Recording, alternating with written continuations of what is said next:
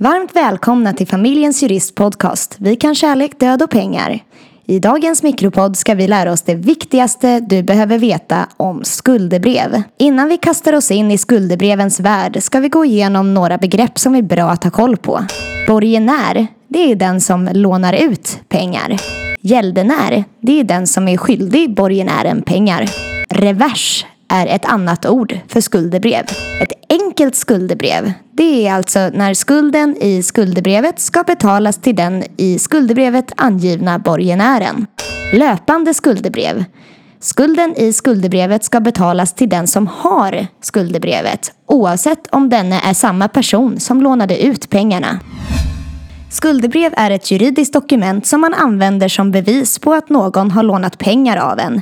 I sin allra enklaste form ska skuldebrevet innehålla uppgift om vem som lånat ut pengar, vem som tagit lånet och hur mycket som har lånats ut. Samt vara undertecknat av låntagaren. För att undvika konflikter är det dock bra om skuldebrevet är tydligt skrivet och innehåller så många detaljer som möjligt. Visst är även ett muntligt avtal om lån bindande, men tänk själv hur svårt det blir att bevisa att ett lån har skett i efterhand om det inte finns något skrivet och låntagaren förnekar att det har förekommit något lån.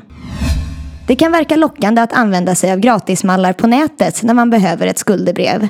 Vi råder dig dock att alltid ta kontakt med en jurist när det ska lånas ut pengar. Tänk på att en färdig mall på nätet aldrig tar hänsyn till omständigheterna i just din situation. Det finns en hel del detaljer som är viktiga att reglera i ett skuldebrev. Ska skulden betalas av genom amorteringar eller betalas igen vid ett enda tillfälle? Hur stora ska eventuella delbetalningar vara och i vilken takt ska de ske? Ska det löpa någon ränta på lånet och hur vill ni göra med dröjsmålsränta för det fall att delbetalningarna inte kommer in som de ska? Innan lånet genomförs bör man också prata om när lånet ska vara helt återbetalt. Det är viktigt att veta att skuldebrevet är just ett bevismedel. Skuldebrevet i sig garanterar inte att du kommer få igen pengarna du lånat ut. Om personen du lånat ut pengar till inte har några tillgångar kommer du inte att få igen dina pengar oavsett hur många skuldebrev ni har upprättat. Något annat som är oerhört viktigt att ha koll på om man vill få tillbaka pengarna man lånat ut, det är preskriptionsavbrott. Det är nämligen så att lån kan preskriberas, upphöra att gälla, förr eller senare om man inte gör någonting åt dem. Man kan säga att man måste hålla lånet vid liv. Preskriptionstiderna varierar beroende på vad det är för typ av skuld.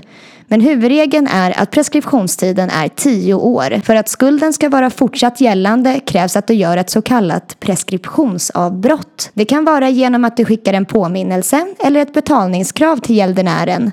Eller att du väcker talan i domstol för att få betalt. Även gäldenären bryter preskriptionen när hen gör en delbetalning eller på annat sätt erkänner skulden. Vi på Familjens Jurist går gärna igenom ditt fall så att du känner dig säker på att preskriptionsavbrottet blir korrekt.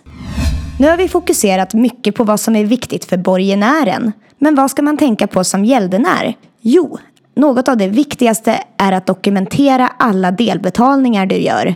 Du vill väl inte riskera att du behöver betala samma delbetalning två gånger bara för att den första inte blev ordentligt dokumenterad. Delbetalningar kan med fördel antecknas på skuldebrevet och det är extra viktigt om det rör sig om ett löpande skuldebrev.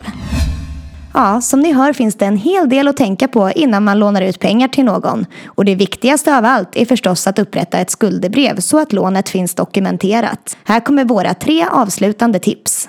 Dokumentera alla preskriptionsavbrott skriftligt. Det som bara sagts muntligt är mycket svårare att bevisa i efterhand.